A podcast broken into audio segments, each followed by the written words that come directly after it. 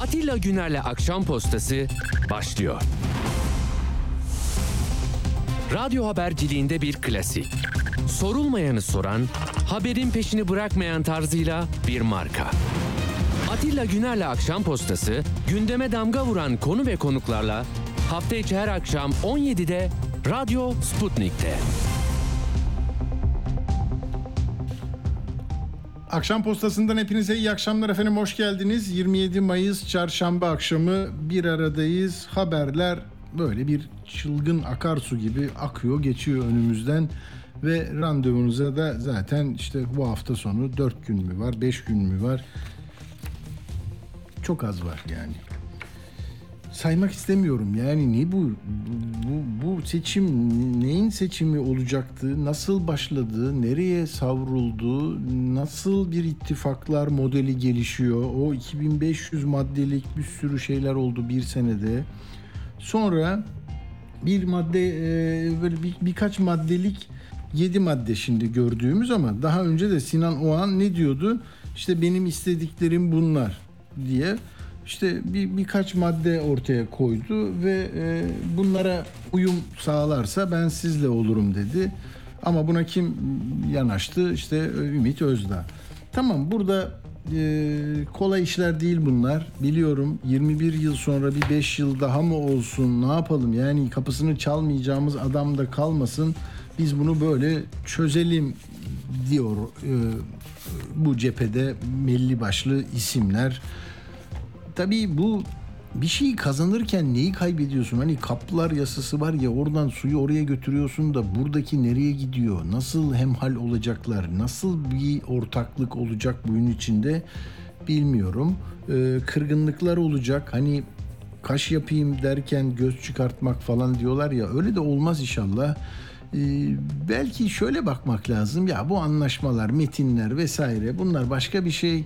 Ama bir insan iradesiyle ortaya çıkacak karar çok insani olabilir tamam mı? Yani menfaatlerle ilgili olabilir, kaygılar, korkular, gelecek, her şey, çoluk, çocuk, ev, barınma, yeme, içme yani kültürü tüketirken bile yani senin konserlerin yoktu, yasaktı ve bilmem 12'den sonra hala müzikle ilgili bir şeyler var. Güldürü sanatları yerine getiremiyor işlevini falan. Yani nereden bakarsan bir başka bir e, sonuca ulaşmak mümkün ve bunlar çok e, dünya tarihinde de insanlık bunları tasnif etmiş, görüşleri sınıflandırmış. Sizin duygularınızla nereye ait olduğunuza sonra sosyologlar, siyasal bilim, siyasal iletişimle ilgili olanlar karar veriyorlar. Bence e, neyi istemediğinizi en başta kararlaştırırsanız işiniz kolaylaşıyor. Ben öyle diyeyim. E, gün içinde haberleri duydunuz. İşte dünkü randevular bugüne sarktı. Bir trafik oldu. Millet İttifakı'nın bileşenlerine Kemal Bey dedi ki Ümit Bey yani bu aldığı e, Sinan Oğan'ın aldığı toplam yurt dışı ile beraber 2 milyon 831 bin 239 oyun büyük bölümünü bize getirebilir açıklamasını böyle yapacak. Biz de ona 7 maddede söz vereceğiz, imza atacağım. Onaylıyor musunuz? Onaylıyoruz. Peki. Orada da 7 madde var. Bunu Sinan Oğan da aynı şeyi söylemişti. O kendini e, AK Parti'nin e, Cumhur İttifakı'nın yanında buldu. Anayasanın ilk dört maddesi, Türklüğü tarif eden 66. maddesi. Dün söyledim zaten. Tamam. 24 Anayasası diyor. O, onu önemli bir vurgu. Ve asıl işte orada ambalajlanmış tüm sığınmacılar, kaçaklar bir yıl içinde ülkelerine geri gönderilecek. Sonra yine yaramazlık yapan politik açıdan işte HDP, şimdi de Yeşil Sol Parti gibi yakındaki 10 ay sonraki yerel seçimde kazananları hani belki Erdoğan dedi ya bir gün çağrılmış soyluyu ya ben bunlardan rahatsız oldum bir al bakayım bunları bir topla alın bunları işte HDP'li belediyelerden de 50 küsürünü aldık diyor ya. Şimdi bunu bir hukuk içinde yapacağız diyorlar. Yapacağız da devlet görevlilerini atayacağız yerlerine. Terörle mücadele çevresinin çerçevesinde hukuki kanıtlarla sabit olan diye tabii bağlayıcı şeyler de koymuşlar.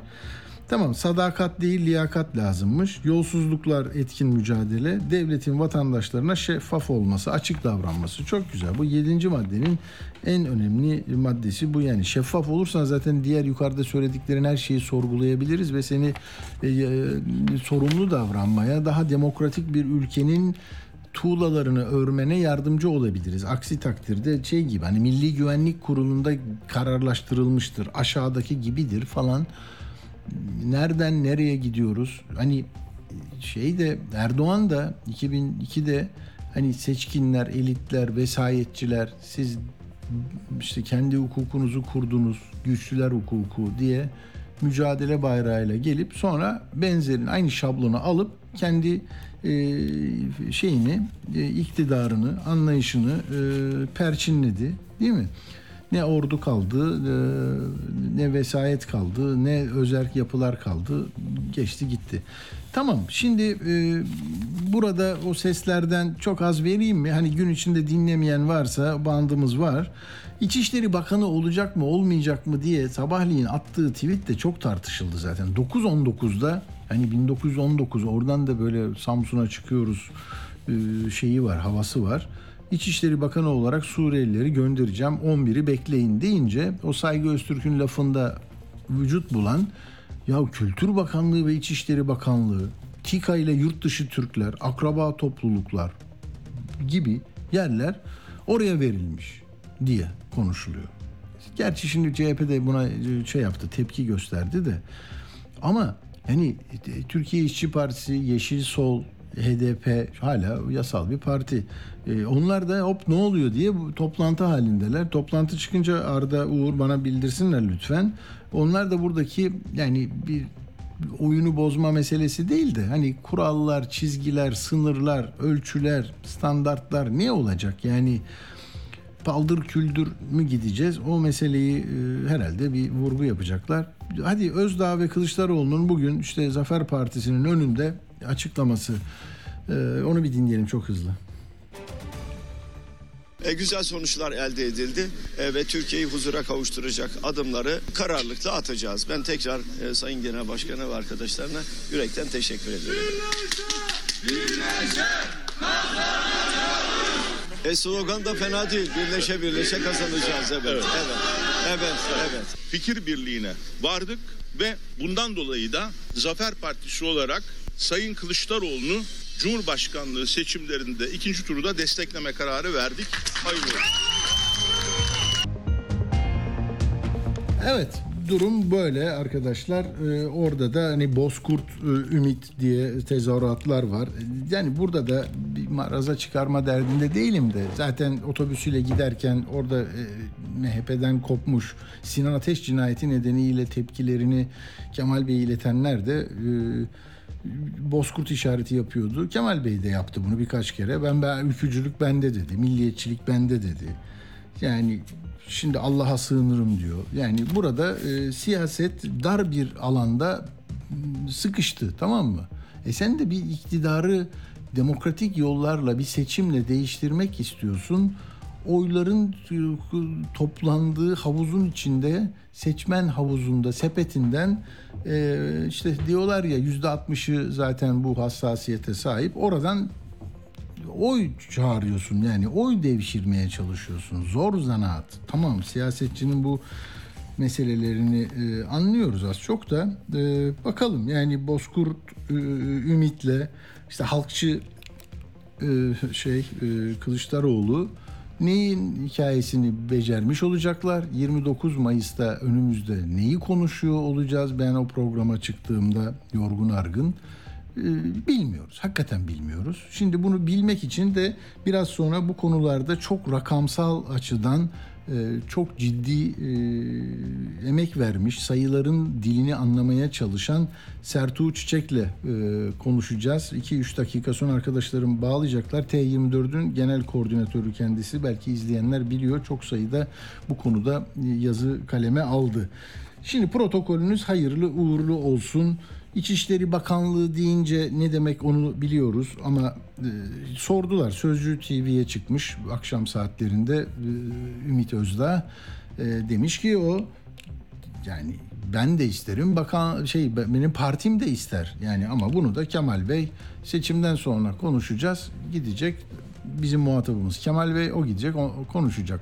Diğer ne o? Cumhurbaşkanı seçilirse yardımcılarıyla yani yardımcı sayısı zaten işte belli sonra kabine nasıl oluşturulacak vesaire ama kaybederseniz zaten işte sen bunu yaptın da kaybettik. Sen gitmedin de sandık da böyle oldu. Onun kıyısında durdun. Yok işte yanında yapmadın. işini yapmadın. Sistemi kuramadınlarla. Yok niye çıkmadın piyasaya? E, ajanstan mı aldın bilmem nereden mi aldın? Bunları da konuşuyor e, olmak ihtimal dahilinde. Ama yani iktidar kanadındaki o panik havasını görünce e, bir rehavet korkusu var. Yani nasıl olsa bizim işte oy farkımız epey ya gitmeyelim de yorgunuz morgunuz deyip e, kalırlarsa e, diye Erdoğan bak bugün Keçiören'de, Mamak'ta her yerde yani Rumelilerle beraber oldu e, dün. Şimdi Kılıçdaroğlu gidecek oraya. Kemal Bey de şimdi bir Twitter'da paylaşım yaptı. E, cehennemin kapılarını kapatacağız diyor. Tamam yani burada da bu bu bu e, retorik bir, bir birden fazla kez kullanıldı. Ata İttifakı'nın içinde e, anlamı vardı bunun ama hani kapılar o kadar fazla ki hangi bir kapıyı kapatırken arkandan böyle rüzgarla başka bir açılıyor yani böyle balkon kapısı açılıyor.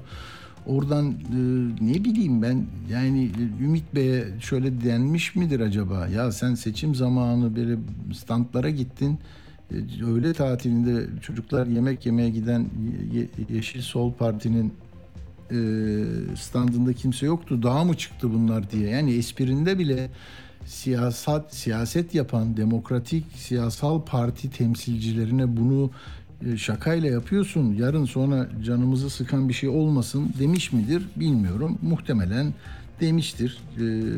bakalım.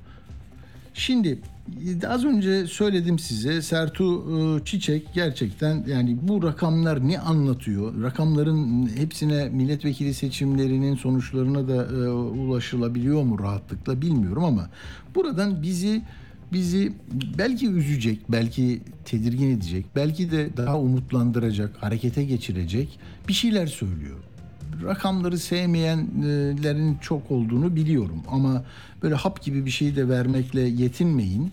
E, dolayısıyla biraz e, kulak verelim istedim. T24'te zaten yazıları e, çok sayıda yazısı çok etkileyiciydi. Merhaba Sertuğ Bey hoş geldiniz. Merhaba Atilla Bey hoş bulduk. İyi yayınlar diliyorum. Çok teşekkürler. Şimdi siz e, bayağı böyle rakamlarla e, boğuşarak bir, bir sonuçlar vermeye çalışıyorsunuz bu Necip Türk milletine. Onlar da ya biz ne yaptık ne dedik mesajlarımızda peki bu nasıl değişir ikinci turda diye meraklısına e, iyi notlar oluyor bunlar. Şimdi çok tabii çok başlı çok farklı e, cepheleri var bunun. E, ne diyelim ikinci turda e, yani bakınca bazen bende şöyle bir etki de yaratmadı değil. Ya işte yüzde yüz oy aldığı sandıklar şöyle. Peki e, seçmen ve nüfus ilişkisi böyle. Peki Sinan Oğan'ın aldığı oyun yüzde 91.4'ünü alması gerekiyor. Lafından başlayalım. Şimdi hakikaten evet. Sinan Oğan'ın aldığı 2 milyon 831 bin 239 oyun Şimdi hani Ümit Özdağ'la anlaşıldı. Sinan Bey öbür tarafa kaçtı. Peki biz nasıl e, muhalefet olarak onlar nasıl düşünüyorlar ki yüzde 91.4'ünü almak şart mı? Yoksa yanında başka hani sandığa gitmeyenleri götürerek mi açığı kapatırız? Oradan ne diyor sizin baktığınız rakamlar?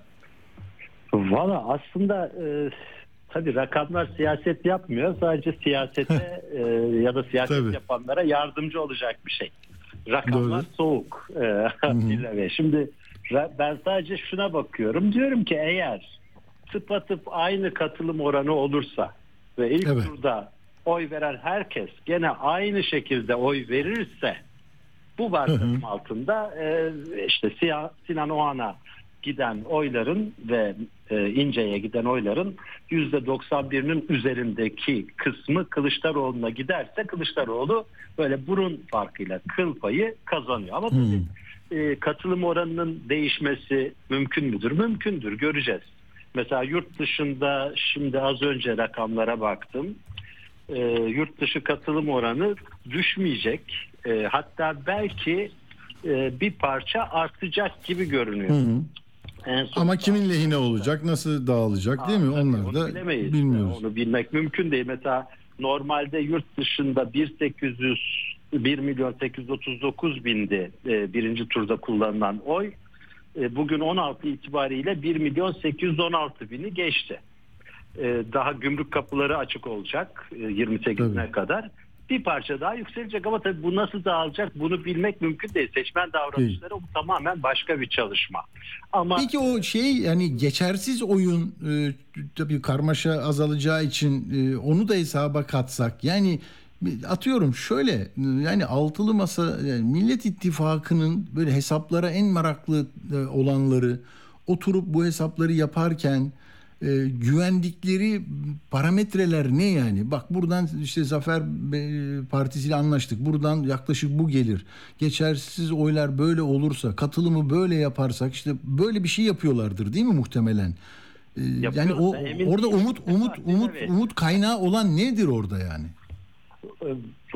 Ben gerçekten böyle hesaplar yapılıp yapılmadığından emin değilim. Benim gördüğüm şu, Do- doğrusu da bu, bu belki Çok- böyledir hakikaten. çok, çok üzgünüm ama şimdi ben bakıyorum e, mesela bu e, olağanüstü çok veri var. Hani big data dedikleri büyük veri Evet, ile evet. karşı karşıya. 210 binin üzerinde, 200 binin üzerinde sandık var. Bu 200 binin üzerindeki sandıkta işte milyonlarca insan oy veriyor. Şimdi bunun takibini gerçekten yapıyorlar mı? Benim bildiğim sadece iki partinin bu yönde bir iş, yaptığı bir şeyler var. Ama hı. koca koca partilerimiz var bu iki parti dışında ki ikisini de nasıl yaptığı konusunda biliyorsunuz e, birinin başındaki bu işleri yapan e, Sayın e, Onursal Bey istifa etti görevinden. Hı hı. Hani orası da bir muamma. Dolayısıyla ben bir hesap yapıyorlar mı ya da nasıl yapıyorlar matematik olarak bilmiyorum ama siyaseten mutlaka yapıyorlardır. Yapıyorlar. E, o da benim e, yorum yapmak isteyeceğim bir alan Bir şey değil değil. Doğru. Peki hayır siz bu kadar rakamların içine girince yani bu e, aradaki farkın e, bir de çok önemli bir şey söylüyorsunuz. Şimdi hatırladım ya artık bu 50 artı 1 değil ki bir fazla alan kazanacak lafının da Evet. bir yanılsama olduğunu bir oradan onu söyleyin bence. Bir de peki yani alt alta koyduğunuz bazı rakamlarla e, Kemal Bey hakikaten 15 diyelim. Hani 15 ya. Sadece 15 fazla aldı. Kazanacak mı? O gün 15 için itirazlar, a, bilmem neler falan nasıl e, bir, neyse Olur benim kafam tabii. karışık. Sizin de e, dinleyicileri de karıştırmayayım bence- çok. Bence hiç kafa karışmasına gerek yok. Geçerli oylardan kim fazla alırsa o seçilecek. Bitti. 50 artı Bu kadar. 60 artı 2 falan karıştırmaya gerek yok. Çok, Ha. çok basit bir yarış. Kim fazla oy alırsa e, Cumhurbaşkanı olacak ya bu kadar Tamam. basit aslında. Başka bir Ama tersten de bakarsanız o zaten 50 artı 1 olmuş olacak. Çünkü 100 oy varsa 51 alan 50 artı 1 alıyor. Aynen aynen yani bir, bir tek oy dahi sonucu değiştirebilir. Dolayısıyla çok fazla itiraz da olabilir. Sınırda seçilirse tabii e, herhangi birisi. E, her koşulda işte aradaki fark olacak mı? Ne kadar olacak? Kimin lehine olacak? Bunları e, saygıdeğer seçmenimiz bize e, işte hı. pazar günü akşam saat 9-10 gibi herhalde bunu hepimiz öğrenmiş olacağız. 3 aşağı 5 yukarı.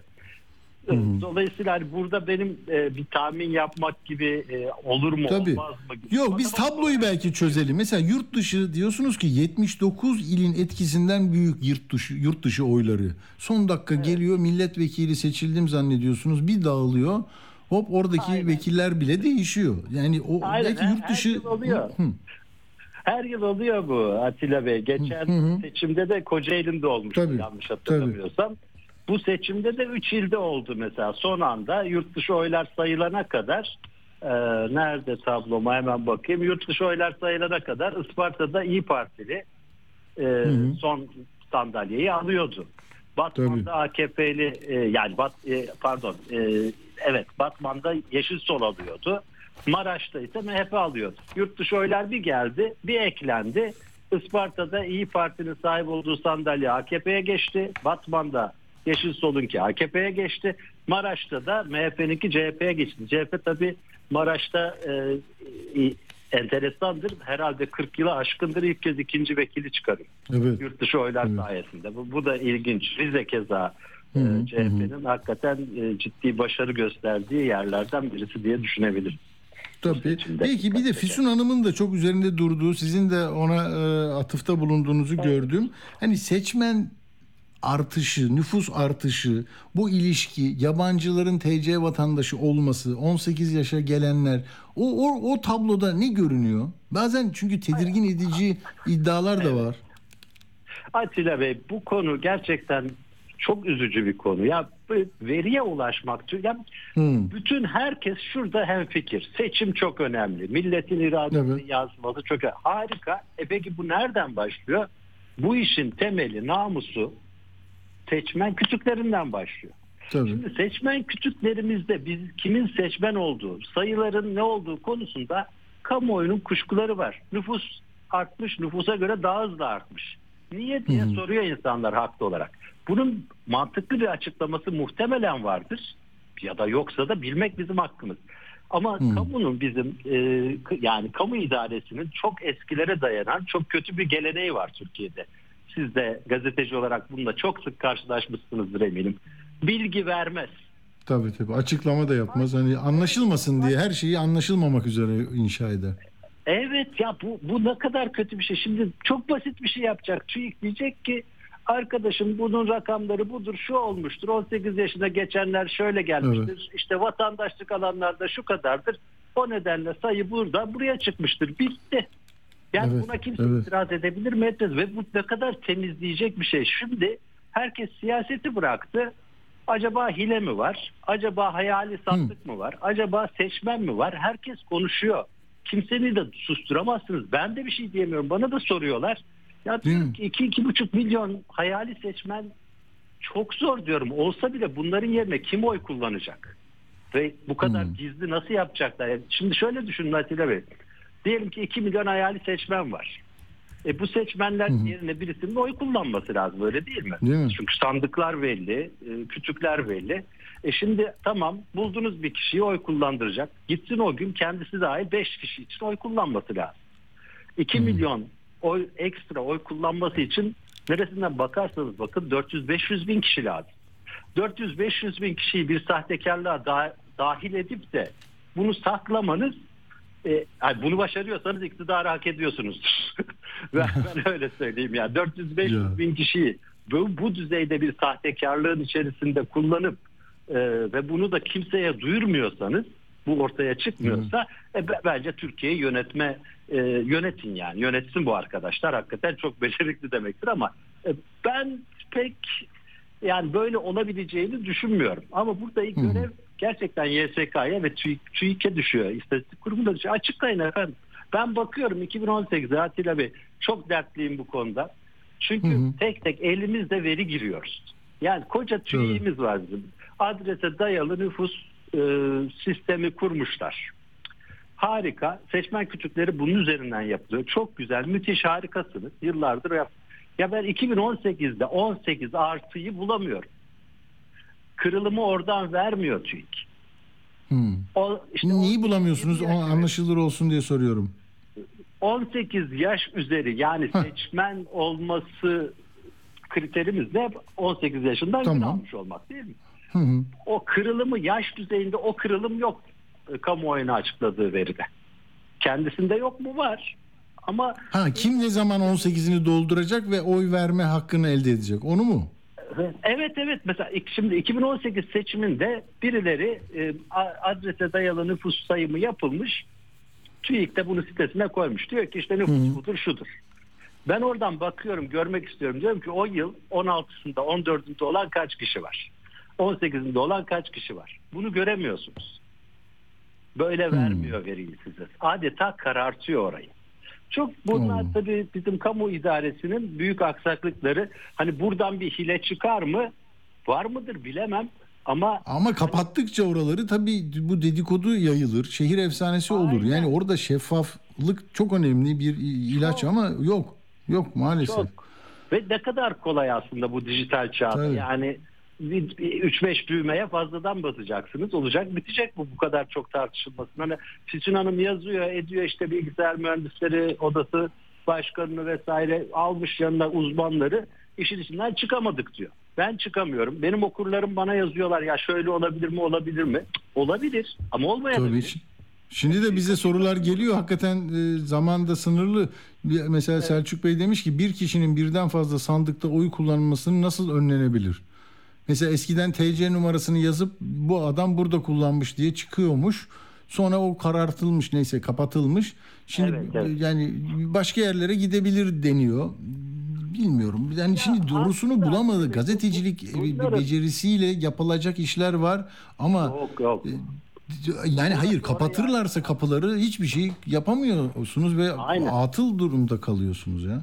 Biz ancak soru sorabiliyoruz e, de meslektaşlar olarak. Şimdi e, cevabı ver, kurum yok ki karşımızda. Hani e, YSK'nın sitesinde diyor ki veri istiyorsanız buraya yazın ne istiyorsanız falan. Ya oraya ben Hiç denediniz mi siz öyle istediniz mi? denemez olur muyum? Denedim tabii. Tabii. Mahvoldum ben. Ya seçmen sayısı lazım.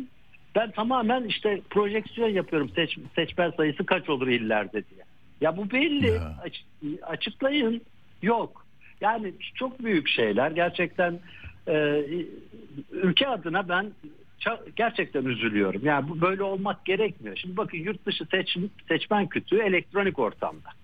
Ne Tabii. kadar güzel değil mi? İster Münih'te oy versin, ister Düsseldorf'ta, ister New York'ta, ister e, İstanbul gümrüğünde, ister Hakkari gümrüğünde. Ne var mı Hakkari'de gümrük bilmiyorum ama nerede Hmm. oy verirse versin tak diye düşüyor kütükten. Bu oy vermiştir diyor. E bunu yurt içinde niye yapmıyoruz ki? O kadar mı zor bir şey? Yani Çok. Pe- Mesela. Peki bakın mesela Pervin Hanım da e, yazmış. Yani insanlar bu konuda şimdi siyaseti konuşamıyoruz. Yani bunları konuşuyor olmak, yani parti programı nasıl bir Türkiye hayal ediyoruz? Bunlara vereceğimiz enerjiyi ay oyumuz ne oldu? Bizim parti durdu mu başında? Müşahitler orada mı? Aynen. Yok yani bu ne ya? Şimdi Per- Pervin Hanım diyor ki bir veri gizliyse muhakkak bir sorun vardır. Mürekkep parmak boyası gerekir. Şimdi bu görüş bunu yaptık daha önce. Yine yapın. Ya- bu kaygı ortadan kalksın. bu o da çözüm değil ki. Yani parmak boyası. Ha, çok belki ilkel bir şey ama yine böyle insanlarımızı boyayıp bir daha kullanma diyoruz. Yani nerelere gitti? Bir de şu yabancılar hani TC vatandaşı olanlarla ilgili ya en son baktım ben de sizle konuşmadan önce Türkiye Cumhuriyeti İçişleri Bakanı Nisan ayında demiş ki ya bizde e, oy verecek 230 bin 998 bin Suriyeli Türk vatandaşı var. Şimdi demek ki bu da ciddi bir sayı mı? Seçimin sonucunu etkiler mi? O A Haber'in hani yayınında havalimanındaki kuvvetli arkadaş gibi arkadaşlar da olabilir. Oraya ne diyorsunuz? Onu anlayabiliyor muyuz? Ne zaman vatandaş oldu, ne zaman seçmen oldu, kullandı mı? hiçbir biçimde elimizde Yok. bu tür siyasilerin e, arada bir yaptıkları ve doğruluğundan haklı olarak herkesin şüphe duyduğu açıklamalar Hmm, dışında e, veri, sağlıklı veri, güvenilir veri yok. Olanlar da üzerinde biz hani tahmin yürütmek zorundayız. Yani böyle gerçekten işte seçmen kütüğüne esas olan e, veriler e, açık değil. Partilere veriyorlar aslında bunları bir düzeyde siyasi partilere. Kamuoyuna açıklamıyorlar ama e, siyasi partilere veriyorlar. Ama e, başta da konuştum ben siyasi partilerin bu alandaki ki çalışmalarından gerçekten e, endişeliyim. Yani e, Hı hı. emin olamıyorum. Gerçekten çalışıyor mu orada birileri profesyonelce bu iş için? E, çünkü bu big veri, büyük veri analizi e, cid- bir iş yani bunu bu bu alanda işte uzmanlık gerektiren ve gerçekten iyi paralarla profesyonellerin çalışması gereken bir alan. Ben bizim partilerin bu işlere para harcayacağını pek düşünmüyorum işin Hı. açıkçası. Bir, bir, bir parti geçen bugün de vardı galiba ama not almayı unutmuşum. Bu soyadlarından ve doğum yerlerinden yabancıların sayısına ulaşmışlar. İşte Beyrut doğumlu e, Katar'da Doha doğumlu vesaire diye ama şimdi burada da mülk mü aldı nasıl e, yani yabancıya satılan mülkten bunun kaç kişiye bir e, vatandaşlık hediye ettiğini bonusunu verdiğini mi konuşacağız biz ama bir bir fazla oyla oluyorsa bunları da bilmek istiyor insanlar. Evet tabii yarın bir gün şimdi seçimde gerçekten o zaman bu büyük sorun olacak. Diyelim ki seçim 20 bin oyla e, Ya. A ya da B e, adayının lehine bitti. 20 bin oy ya da 15 bin Evet. oy olabilir. İşte İstanbul seçiminde yaşadık ilk seçimde. Tabii 13 İstanbul binde değil mi ilk önce? Evet. Şi- Tabii şimdi o, o İstanbul'daki 10 bin oy, oy da fena değil ama Türkiye'de 10 bin oy hiç demek. Yani çok çok minicik bir şey demek. 10 bin 15 bin oyla işte o zaman e, kimin kütüğü, kim Türkiye Cumhuriyeti vatandaşı o, Türkçe bilmeyen niye oy kullanıyor? E, New York'ta yaşayıp Türkiye ile hiç alakası olmayanın oy hakkı gerçekten olmalı mı, olmamalı mı gibi tartışmaları. Türkiye yeniden ve çok ciddi olarak yaşam yaşayacak yaşamalı da bence. Bu bu, bu herkesin rahatsız olduğu bir konu. Bence bunlar tartışılmalı. Ama tartışmanın cevabı dediğim gibi kamu idaresinden geçiyor Atilla Bey. Kamu Evet. idaremiz birazcık şeffaf olacak. Yani birazcık hani bu sıkıntıya cevap verecek diyecek ki budur budur budur yani Hı hı. beş paragraflık işte bir tane de veri yayınlayacak buyurun diyecek yani Hı hı. bunu yapmak bu kadar zor değil ki. Değil, değil. Ya özellikle Peki Sertuğ Bey, son yapalım. soru soruyu şöyle sorayım. Ee, bu ikinci tur ilk kez yaşayacak bu memleket bu hadiseyi. Ee, yani bu kadar farkla e, Erdoğan'ın hani e, ne kadar fark diyorduk biz ona burada notum vardı benim ama işte yani 27 milyon 25 milyon neyse 2,5 milyonluk bir farkı var değil mi? Evet evet. E, bunu kapatacak, e, kapatacak, kap- yani ikinci sıradaki bunu kapatacak bir performansı siyasi bir söylemle sağlar sağlamaz bilmiyorum ama dünyadaki örneklerinde bazen e, biz de konuştuk. E, Karadağ çok konuşuluyor. Birkaç ülke var. E, Evet. Olur mu yani değişebilir mi bu yoksa birinci turu bu kadar kazanan kazanmıştır artık de- denmiyor değil mi? Şu anda matematik olarak herkesin şansı eşit bence şu anda. Hı. Siyaseten e, biraz sanıyorum e, Millet İttifakı tarafı beklemediği bir sonuç aldığı için ilk bir hafta 10 günü boşa geçirdiler. Ben öyle hissediyorum. Toparlanma dönemi oldu evet. Evet evet yani ayın 15'indeki e, 15 Mayıs'ta bugünkü performansıyla e, çıksaydı Sayın e, Kemal Kılıçdaroğlu e, bugün başka şeyler konuşuyor olabilirdik gibi hissediyorum ama dediğim gibi ben sonuçta e, sayılara bakmayı tercih ediyorum. Siyaset bambaşka bir iş. Siyasetten anlamak e, seçmen nabzını tutmak e, hani o siyasetçilerin işi biz sadece gözlemlemeye çalışıyoruz ama benim gözlemim e, naçizane e, ilk anın, anın şokunu birkaç saat içerisinde atlatıp e, 15'inde bugünkü gibi çıksaydı e, Kemal Kılıçdaroğlu e, bugün bayağı bir sınırda gidiyor falan diye konuşuluyor olurdu diye tahmin ediyorum. Peki bakalım e, Türkiye seçmeni ne ne eylerse iyi eyler diyelim. Sertu Aynen. Çiçek çok teşekkür ediyoruz. E, Sağ olun katkınız için. Ben çok teşekkür ederim. Her zaman dinlediğim bir programdı. Bu programda Öyle olmak benim için gurur verici. Çok sağ. Çok teşekkür ederiz. ederim. Sağ olun. Çok sağ Sağ olun. olun. Çok sağ olun. Hoşçakalın. Doğan Akın'a da çok selamlar. Peki şimdi e, bir, bir iki bant vereceğim. Ondan sonra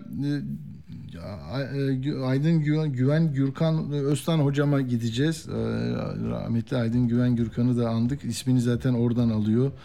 E, Efendim e, şöyle yapalım. E, İmamoğlu e, şeydeydi. E, Bugün e, Halk TV'deydi. O da tepkili. Ee, ama şimdi herkes artık mülteci meselesini konuşuyor ya göçmenistan olacağız falan. Yani bak göçmenistan mı Türkiye mi diye sor- soruyorlar size. Tamam mı arkadaşlar? Yani mesele geldi geldi. Yabancıları buraya getiren iradeyi siyaseten sandıkta mahkum etmek değil. burada en altta en kötü işleri yaptır, yaptırıyoruz. Çobanlık yaptırıyorsunuz. İşte bulaşıkta bilmem nerede. Onlar giderse Türkiye müreffeh olacak tamam mı? Şeyde zaten Özdağ da oraya oturttu.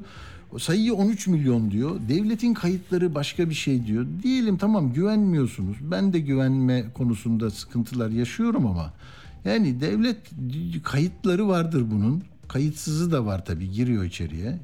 Ee, yani sayı olarak şimdi bendeki rakam şu diyor ki bak 22 Nisan 2023'te Soylu demiş ki 3 milyon 911 bin kayıtlı var. Tamam kayıtsızıyla beraber hani 4 milyon diyen var, 5 milyon, 7 diyen var, 8 diyen var falan ama Özdağ 13 diyor mesela. Şimdi nereye geldim ya ben de bir şey konuşurken oradan başka yere gidiyorum.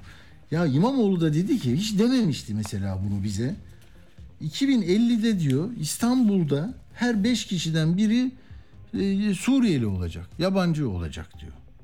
Yani sığınmacı olarak gelmiş böyle bir yapı var diyor. 2050'de 5 kişiden birisi. E şimdi bunlar gerçek mi? Rakamlar ne? Neyi konuşuyoruz? Siz de işte bunların derdindesiniz. Çocuğunuz bakkala yollayabilecek misiniz? Kızınız gelebilecek mi? İşte işte orada nargile içiyorlar falan. Bir kısmı böyle sen niye burada e, eğleniyorsun ülken savaş altındaysa diye. Ne bileyim ya. Yani Türkiye'nin seçimleri geldi geldi e, bu noktaya dayandı. E, umarım e, Türkiye'nin lehine olur. İmamoğlu şeye çok kızdı tabii. Seçimlerde şimdi seçim rakamlarından konuştuk ya. Güneydoğu illerinde eskiden CHP 2 yüzde 2 yüzde 3 alıyordu. Şimdi 46, 50, 15, 18 neyse aldı ya. Abicim bunu Ayhan Ogan işte dedi ne dedi? Şey dedi ya buraya oy verenler PKK'lı demek bu kadar bu kadar söylenebilir yani. Al. Diyor ki HDP'nin etkin olduğu veriyor musunuz onu görüntü? HDP'nin etkin olduğu iller 2018 CHP'nin aldığı oy şöyle Ardahan 25 2023 Kılıçdaroğlu aldığı oy 56. Yani adam oyunu arttırırsa ne oluyormuş? Sayın Kılıçdaroğlu vatanseverdir. PKK ile ne alakası var canım? Yani yüzde 56 oy PKK gidin o hani diyorlardı ya sandıkta oy verenler siyasi bir darbe yapacak. Git abi yüzde 56'yı sayıya böl. Herkesin zarfını yeniden aç. Bunlar da kayyum atıyor biliyorsun ya belediyeye. Bu insanların da evine jandarma gönder o zaman. Ya bu nasıl bir ahlak e, dışı anlayış ya? Bu ülkeyi yani inananlar inanmayanlar. Oy verdi buraya mı verdin? PKK'lı terörist. Sisi misin? Sisi. Sen Sisi ben Binali. Seç bakalım. Şimdi neyi seçtirecekler bize? Göçmenistan mı Türk Türkmenistan Türkiye mi? Ne, ne ya? Yani ben böyle bir Türkiye'de yaşamak istiyorum. Benim hayallerim var. Benim çocuğum burada akademik çalışma yapmak istiyor. Ben pe beyaz peynir alamıyorum 260 liraya. Yani her şeyin müsebbibi geldi gitti abicim. Yani Zafer Turizm'in arabasına koyacağınız insanlarla kurtulacaksınız. Tamam. Hadi İmamoğlu'nu bir verin bana dinleyin. Yani diyor ki bak bak diyor Van'da aslında CHP'nin oyu yüzde ikiydi. Yüzde 62 oy verdiler. Ne demek istiyor? Van'ın yüzde 62 PKK'lı diyor. Diyarbakır'da 71 ona da PKK'lı diyor. Mardin'de yüzde 66 ona da PKK'lı diyor. Ne bileyim Bitlis'te yüzde 51 ona da PKK'lı diyor. Akıl kaymış. Bu ne biliyor musunuz? İşte o montajı, o kumpası yapan Sayın Cumhurbaşkanı'nın aklının aşağıya doğru tezahürü. Evet böyle e, şimdi değerli konuğumuz da geldi. E, hocamız doçent Güven Gürkan Öztan siyaset bilimci. Hocam merhaba hoş geldiniz. Merhaba hoş bulduk Atilla Bey. Tam da benim böyle yükseliş anımda e, telefon attığınızda olduğunu e, öğrendim. E, biraz neyse sakinleşeyim şimdi. Hocam ne oluyor? Yani tren rayından mı çıkıyor? Kazanmak için e, çok çaba harcanıyor. E, sizi de endişelendirir mi? Nasıl bakıyorsunuz tabloya? E, elbette endişelendiriyor. Şimdi e, seçimi kazanmak için efor sarf etmek önemli. E, daha fazla insana ulaşmak elbette önemli. Ama bu e, böyle bir milliyetçilik yarışına falan vardığı hmm. zaman işte orada o ülkenin orta ve uzun vadesi için alarm çanlarının çalması anlamına geliyor. Çünkü hmm. bizde öyle bir durum ki zaten hani Türkiye siyasetinin önemli bir kısmını milliyetçi ön kabuller oluşturur. Ama bu milliyetçi ön kabullerin e, yine önemli bir kısmı hani böyle bir yurtseverlik falan olmaktan daha çok alarmist işte hızlıca hedef gösterilen bir yere doğru mobilize olma, onu siyaset alanının dışına bırakma gibi cereyan eder. Halbuki şimdi Millet İttifakı teşekkür ettiğinde bu birleşme, genişleme ve bütün bunlarla birlikte bir hoşgörü, sevgi söylemi hakim iken e, birinci turdan sonra çok net bir biçimde dümen 180 derece farklı tarafa kırıldı. Her ne kadar şunu söyleseler de tamam göçmen meselesi daha önce de e, muhalefetin gündemindeydi. Doğru. Tabii. Ama e, yani son 10 günün söylem e, şifrelerine baktığınız zaman bu bir gündem gündemlerden biri olmaktan çıkmış. Sanki. Türkiye'nin tüm asli meselesi, tüm evet. ekonomik problemleri, tüm ekonomi, sağlıkta ve eğitimde gördüğümüz bütün bu çöküş vesaire buraya bağlanmış gibi bir siyaset yapılıyor.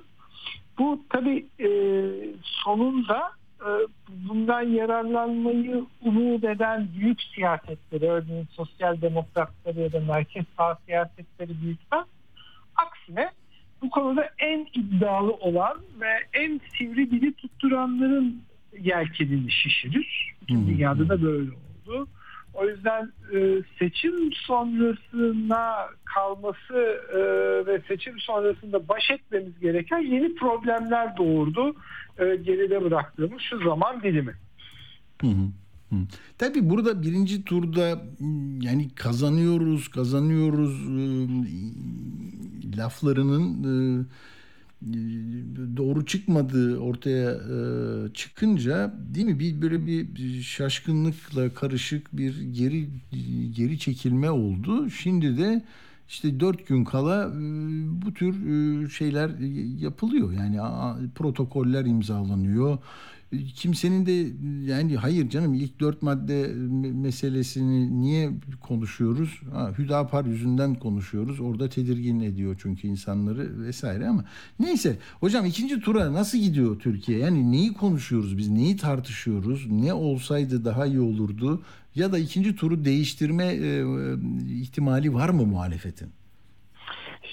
E, şimdi biz e, somut problemler e, diye tarif ettiğimiz ve bundan önce de bazen muhalefeti de eleştirdiğimiz yani çok bu güçlendirilmiş parlamenter sistem falan buralarda fazla e, zaman kaybediyorsunuz. Aslında çok ciddi bir e, şey var. Böyle orta sınıflar yoksullaşıyor. İşte e, çok ciddi bir güvencesizleşme meselesi var. Kurumsal çöküş var ve bunlar kentli seçmeni doğrudan etkiliyor.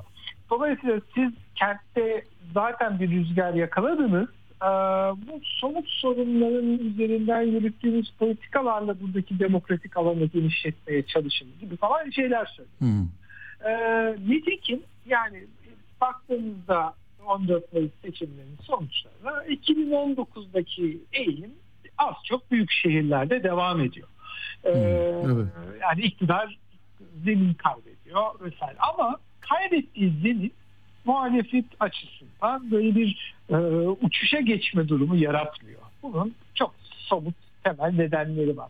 Şimdi siz beklerdiniz ki ikinci tura doğru giderken e, bu daha fazla insanın kaygılarını giderecek ve e, sizin hakkınızdaki kara propagandaya milliyetçilik yarıştırarak değil de e, milliyetçiliğin aslında ört örttüğü ya da ona onun örtmesi için e, işlev yüklendiği dertleri konuşun. Yani işte bu büyük gelir adaletsizliği problemini konuşun. İşte taşrada insanların e, rehin adeta iktidar tarafından rehin alınma meselesini konuşun. İşte sadaka ekonomisini konuşun falan. Ama e, gördüğümüz gibi bunların yerine başka bir şey almış hmm. durumda. Zaten şundan hiç kimse konuşmuyor. Bugün e, konuşsanız e, sizi kovalarlar. Yani deseniz ki e, ya siz diyordunuz ki işte ekonomide şöyle şeffaflık böyle e, Merkez Bankası özgürlüğü. İşte efendim burada e, aynı zamanda vatandaşlık geliri vesaire. Bunların hiçbirini konuşmaz oldunuz. Ne oldu? Yani artık bir anlam ifade etmiyor mu deseniz diyecekler ki ya işte Sinan Oğan'ın oyları e, vesaire. E, o yüzden de maalesef seçmen çok e, gerçeklerle tam tamını örtüşmeyen bir zincirin içine hapsoldu. Üstüne üstlük de geniş muhalefet tabanı e, belki bunun üzerine biraz daha fazla düşünmek lazım. E, nasıl iktidar e, en radikal sağ örgütlenmelere e, ödün vererek bu süreci yürüttü ise aynı taktiği muhalefetin de izlediğini e, ve sağ popülizme, işte yabancı düşmanlığına, göçmen karşıtlığına falan teslim olan bir dil. Evet. Yani bu, bu biraz ürkütücü bir şey gerçekten. Hı hı. Tabii bunları mesela ben radyoda da konuklarımla da konuşuyorum. Bunu anlamaya çalışıyoruz. Yoksa kategorik olarak işte bunlar giderse Türkiye düzelir gibi bir önermenin hayata, bir insanlığa, Türkiye'nin geçirdiği onca tecrübeye haksızlık olduğunu düşünüyorum. Yani 21 yıl içinde bu insanları bir başka ülkenin yönetimini değiştirme girişimleri sonucu ülke topraklarına alıp bunu başka ensar vesaire diye pazarlamak ee, tamam o siyaseten bir şey ya bu mahkum etmek mümkün ama e, yani öbür taraftan nasıl bir Türkiye'yi hayal ediyoruz da değil mi? Sıkıntı var ya. Yani konuşamıyoruz bir şeyi. O yurt dışına kaçan gençlerimizi konuşamıyoruz. Akademik özgürlüğü, adaleti ya Doğru. çok çok daraltıcı oldu hocam değil mi? Böyle yani eskiden Türkiye bunları daha hani sivil anayasa vesayet bile derken her neyse arka planı bilmiyorum ama yani sonuçta bir şeyleri ele avuca gelecek bir şeyleri konuşuyorduk. Yani beni biraz mutsuz kılıyor bu. O yüzden belki çok üstünde duruyorum. Ee, bir de şu var tabii yani bir torbanın içerisine her şeyi atıyor şu anda. Hmm, yani hmm. bütün bu yani bir göçmen işte sığınmacı vesaire ama o kadar e, aslında kendi içinde alt kategorileri olan o kadar e, farklı politikalar izlenmesi gereken bir şey ki yani iktidarın açık e, sınır politikasının nelere yol açtığını hepimiz biliyoruz. Yani bir ülke hiçbir hiçbir ülke bu kadar zamanda bu yoğunlukta bir e, göçü e, sosyal sorunlar yaratmaksızın e, idare edemez. Bu çok açık. Hmm. Türkiye'de de e, bunun doğduğu onlarca sorun var. Ama bu sorunların hep sorunların öznesi olanlar ve e, sorumlusu olarak gösterilenler tek bir torbanın içerisine atılabilecek durumda değiller. Yani e, Türkiye'de e, çok ağır koşullarda çalışan ve hatta işte Türkiye Cumhuriyeti'nin kendini asli vatandaş olarak gören insanların yapmayacağı işleri yapan e, göçmenler var. Bunun üzerinden kazanılan paralar var. Bunun üzerinden dönen bir sermaye var. Bir tarafta e, büyük paralar vererek vatandaşlık almış olan ve işte e, diğer taraftan orta üst sınıfın yaşam tarzına benzer bir yaşam alanını büyük kentlerde e, kuranlar var. Yani aynı değil bu insanlar. E, o yüzden de hepsine aynı şeyi söylemek, hepsini sınır dışı edeceğiz, hepsini şöyle yapacağız demek gerçekçi de değil. Şimdi gerçekçi değil niye söylüyorlar e, diyebilirsiniz. Çünkü şu anda gücünün yetebildiği bir e, hedef istiyor insanlar. Yani hı hı. E, böyle diz çöktürebilecek bir hedef istiyor. Şimdi siz onu tarikat diye koyarsanız e, olmuyor. Yani evet. ne bileyim işte çeteler, mafya falan e, öyle de olmuyor ama göçmen dediğimizde e, çok doğru. Hocam çok özür dilerim ya o bak hatırlattınız narkotik meselesi bir ara uyuşturucuda ne kadar yüklenmişlerdi ve toplumda da bir karşılık bulduğu için Hemen e, operasyonlar arttı. Buradaki çete liderleri yabancı ülkelerden evet. gelmiş mafya bozuntuları yakalandı, öldürüldü ve değil mi? Mesela o şimdi hiç konuşulmuyor sanki. Evet, evet, evet. İşte sorun da bu zaten. Yani hmm. e, teslim olmak diye tarif edebileceğimiz şey e, bu. E, mesela hatırlarsınız e, Doğu Perinçek şey demişti yani biz iktidarın AKP tarafına geçmedik. Onlar bizim çizgimize geldi. Evet doğru. Yani, şimdi burada da bir e, çok rahatlıkla Ümit Özdağ çıkıp CHP bizim çizgimize geldi e, diyebilir. Şimdi o çizgi, o konuştuğumuz çizgi bu diğer nesil nesilleştiriyor ya da hepsini buraya bağlıyor. Yani uyuşturucu problemim var. E göçmenler yüzünden var. Tabii. E, kiralar mı arttı? İşte sığınmacılar yüzünden arttı. Çok basit indirdi. Enflasyonu kim yaptı ya? Yani politika Evet. uygulamayan faizleri e, öyle e, hani şekli olarak tabelada bir faiz yazıp piyasada sıkıntıyı büyütenler konuşulmuyor işte. Bu örtülüyor. Hani örtü yani şal derdi ya Nihat Erim zamanında hani bir şal örtüldü Türkiye'de. E, yani hayrımıza mı olacak bilmiyorum. Umutlu musunuz hocam? Siz e, e, yani üniversite personeli olarak değil bir seçmen olarak söylüyorum. Siz soruyorum size.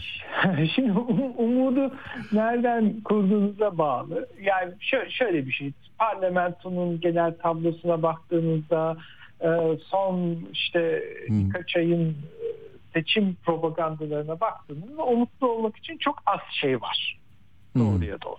Ama bir yandan da işte ne bileyim bu kadar e, devlet gücünü kullanan bir e, iktidar partisinin 70 küsür ilde gerilemesi var. Büyük şehirlerde öyle veya böyle değişim isteyen bir nüfusun e, kendini ifade etmeye çalışması var. E, ilk defa belki Kürt seçmenlerle işte kentlerde kendisini biraz daha böyle e, orta orta üst sınıf olarak gören insanların e, politik tercihlerinde stratejik bir ortaklaşma var falan.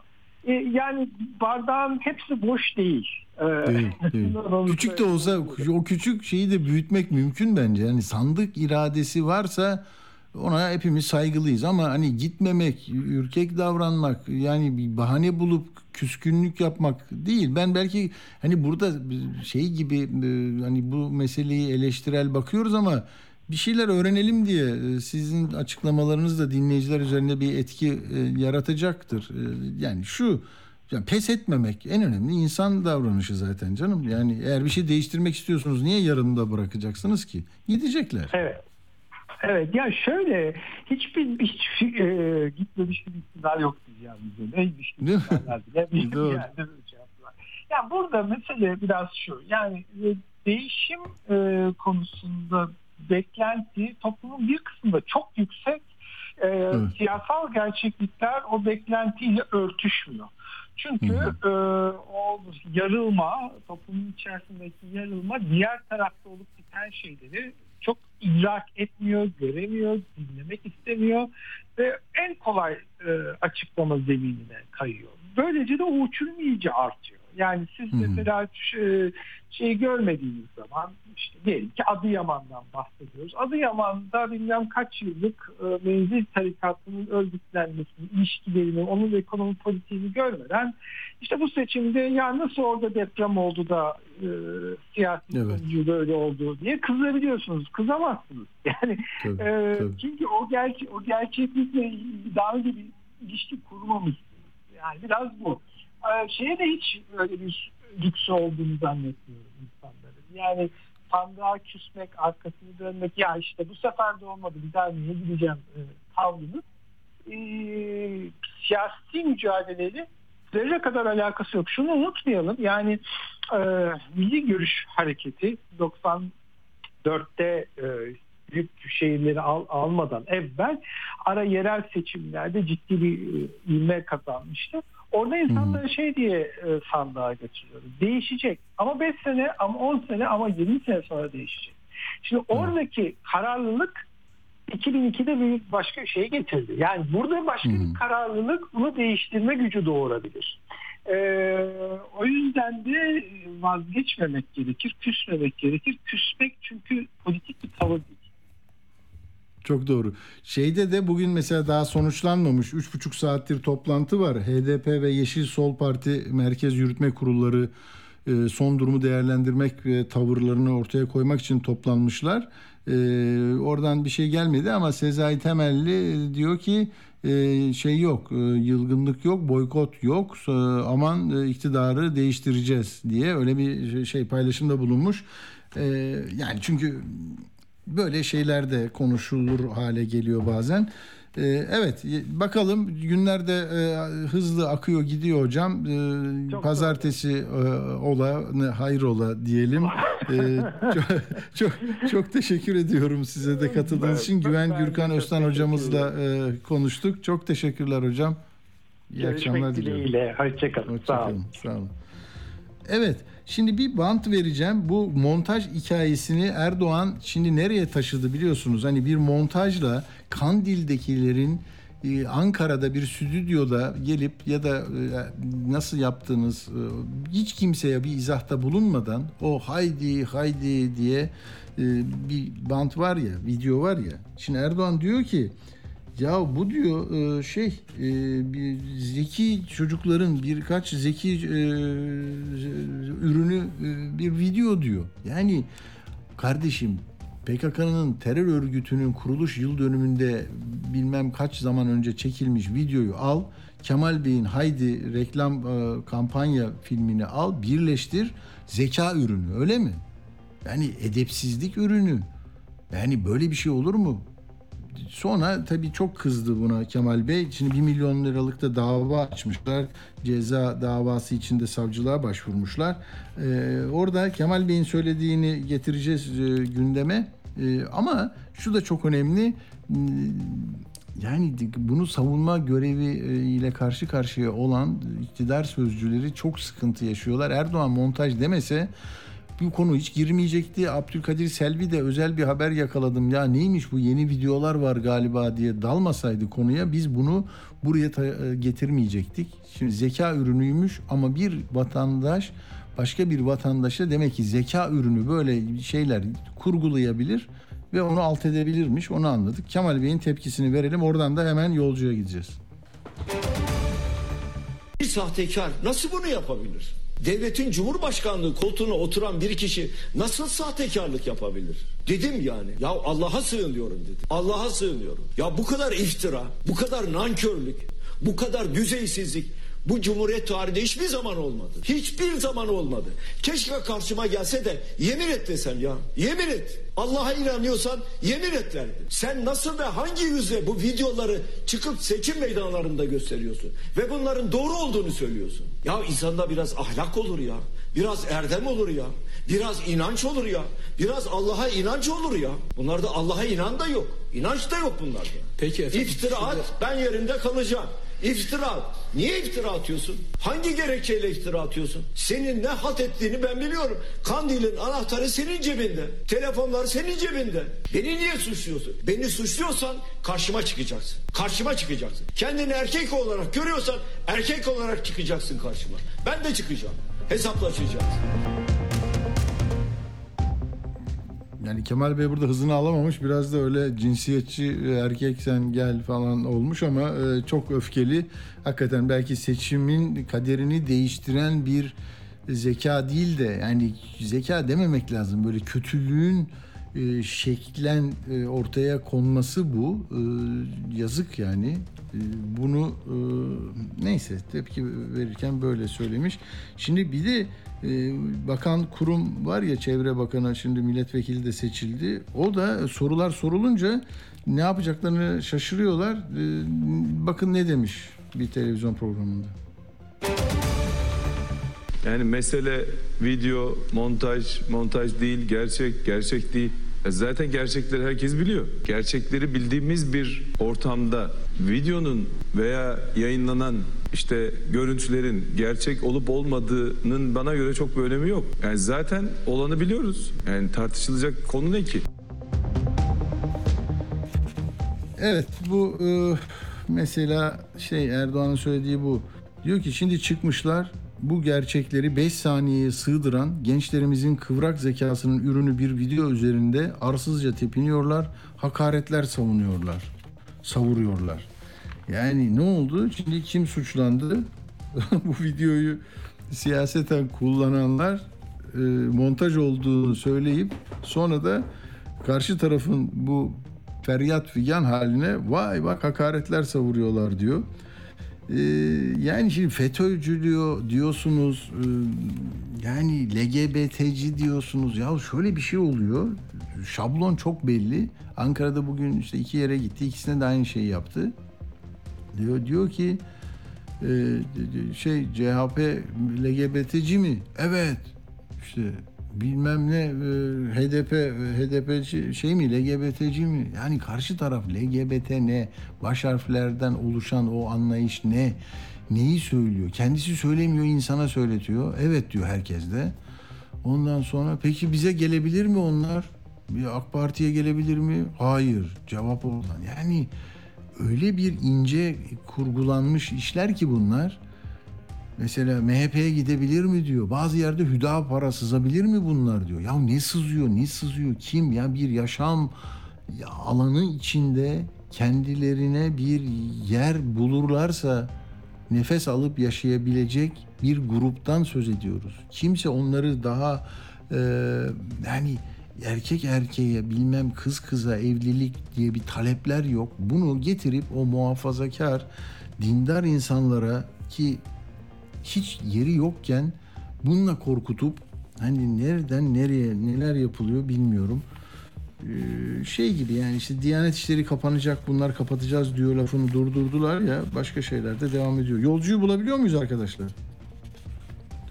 Yolcu demişti ben size söyledim zaten e, uçakla bir seyahat etme durumu da vardı onun ama biraz daha deneyin. Ben de şeyi okuyacağım.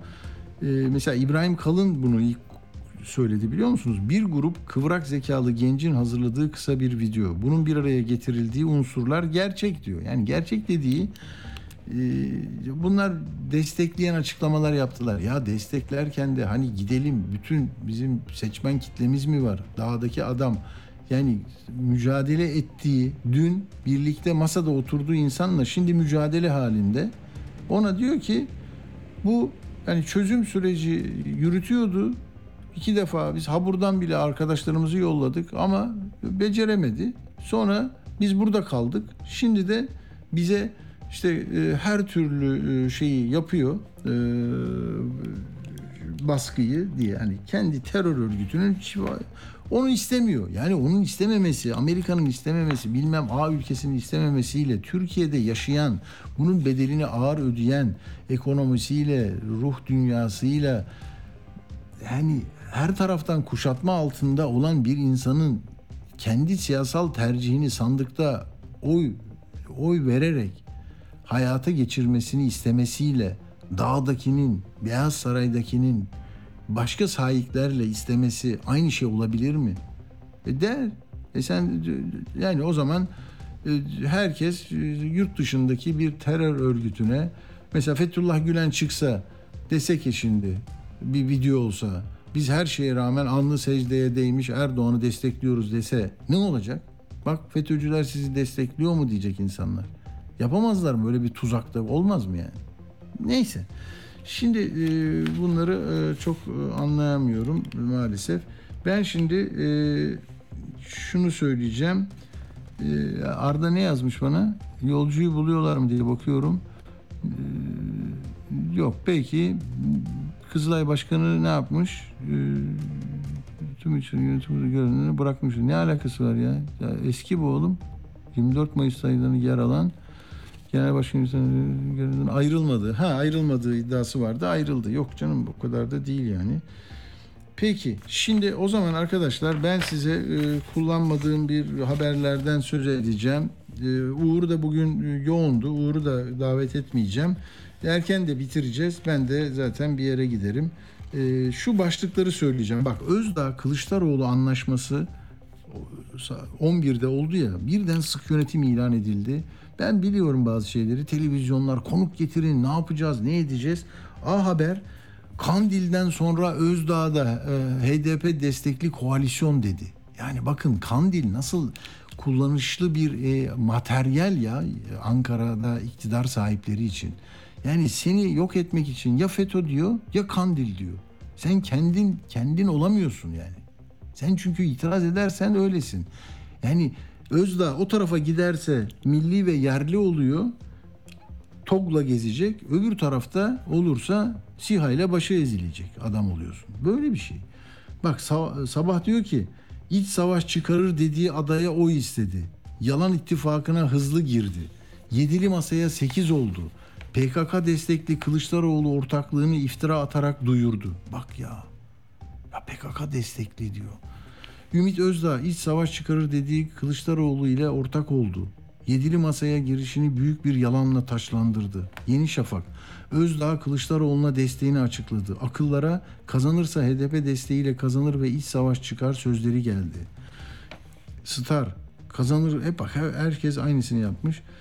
Akit, seni kandırmışlar Ümit. A Haber, 8'li koalisyona hızlı giriş yaptı. HDP PKK'nın gölgesinde yediliye katıldı. Gördünüz mü? Böyle yani sen e, öyle bir yakıştırma içinde e, kalacaksın ki seni zinhar değil vatandaşın karşısına çıkmaya yani o sandıktan çıkmaya vatandaşın içine çıkmaya bile şey e, imkanın olmayacak. Seni terörist diyoruz ya. Yani terörist ne demek? Ülkenin bütün anayasal düzenini yok edecek adam gelip burada bir öldürecek, şiddet kullanacak vesaire. Sen diğersin tamam mı? Diğer. Bak o nasıl yaptı Ali İhsan Yavuz mu? Ne yaptı A Haber'de? Ya iki, iki kişinin resmi var. Bu ülkenin çocuğu bunlar. Kasımpaşalı, Tuncelili. Resimleri belli, sıfatları belli. Değil mi? İsmini yazıyorsun. Tercihi bir yere koyuyorsun ve televizyon yayıncılığı yapıyorsun. Kemal Bey görünmesin diye. Kemal Bey'in görüntüsü bu arada parantez Kemal Bey'in görüntüsü yalnızca şeyde e, A Haber'de ve diğer türevlerinde HDP ile meclisteki görüşme fotoğraf, görüntü, videoları. Tamam mı? Bir tek onu veriyorlar. Ne olursa olsun işte Mithat Sancar ile tokalaşırken HDP yazıyor orada mecliste ya mecliste. Yani Kandil'deki fotoğraflar var ya Kandil'de Karayılan'a gidip görüşen, Apo ile görüşen e, milletvekili ya da devlet görevlileri Oslo'daki masada oturanlar hepsi şeydi. Yani Erdoğan'ın bilgisi dahilinde trafikte görev alanlardı. Onlara bir şey olmasın diye kanun çıkardılar. Ama sonra da işte sırrı süryayalar onlar bunlar gittin diye masa dağılınca Dolmabahçe'deki fotoğraftan sonra oldu. Yani inanamıyorum. Ee, şey diyecektim evet Ali İhsan Yavuz ne yaptı? Diğer dedi ya. Resmini koymadı ATV şey A Haber. Çünkü siz diğersiniz ya. Siz başka bir şey düşünüyorsunuz. Diğer sepetindesiniz. Tamam mı? Yani nasıl gezicilere küfür ediliyor? İşte Kavala, Demirtaş, AYİM kararlarını uygulamayan Avrupa'daki en e, önemli imzalardan birisidir nasıl e, şeyden çıktı İstanbul Sözleşmesi'nden fiilen AHİM'in e, bağlayıcı kararlarından da çıktı. Tak oradan başka bir tutuklama yapıyor, insanları tutuyor. Sonra da bunlar gelince onu çıkaracak diyor. Yahu çıkaracak diye bir şey olabilir mi? Hukuk uygulanacak, hukuk. Hukuk uygulanırsa başka olur her şey. Tamam. Ben artık e, notlarıma bakayım. Kimse bana bir şey söylüyor mu? Yok. Bir şey söyleyen yok. Ben de e, ne bu? Kılıçdaroğlu boş ver. Arda bana böyle bir şeyler atma artık. Tamam ben toparlıyorum ve erken kaçıyorum. Erken kaçmak iyidir. E, trafikte olanlara da ne diyeyim yani Allah yolunuzu açık etsin. rahat rahat gidin. İstanbul trafiğine arabayla çıkanları hiç affetmeyeceğim. Yani ne yapıyorsunuz ya? Bu Marmara'ya binin başka bir şeye binin. İzmir'dekiler ne yapıyor? Pasaport iskelesindeler mi? Bursa'dakiler de yakınıyorlar zaten. Tamam hadi şey böyle bir süreyi doldurmaya çalışan adam gibi değilim ben hani laf lafa açtı gidiyoruz sizi çok seviyorum iyi akşamlar diyorum şimdi müzik dinleyin kafanızı biraz boşaltın sonra yarın konuşuruz hadi hoşçakalın. Atilla Güner'le Akşam Postası sona erdi. Radyo haberciliğinde bir klasik. Sorulmayanı soran, haberin peşini bırakmayan tarzıyla bir marka. Atilla Güner'le Akşam Postası, gündeme damga vuran konu ve konuklarla hafta içi her akşam 17'de Radyo Sputnik'te.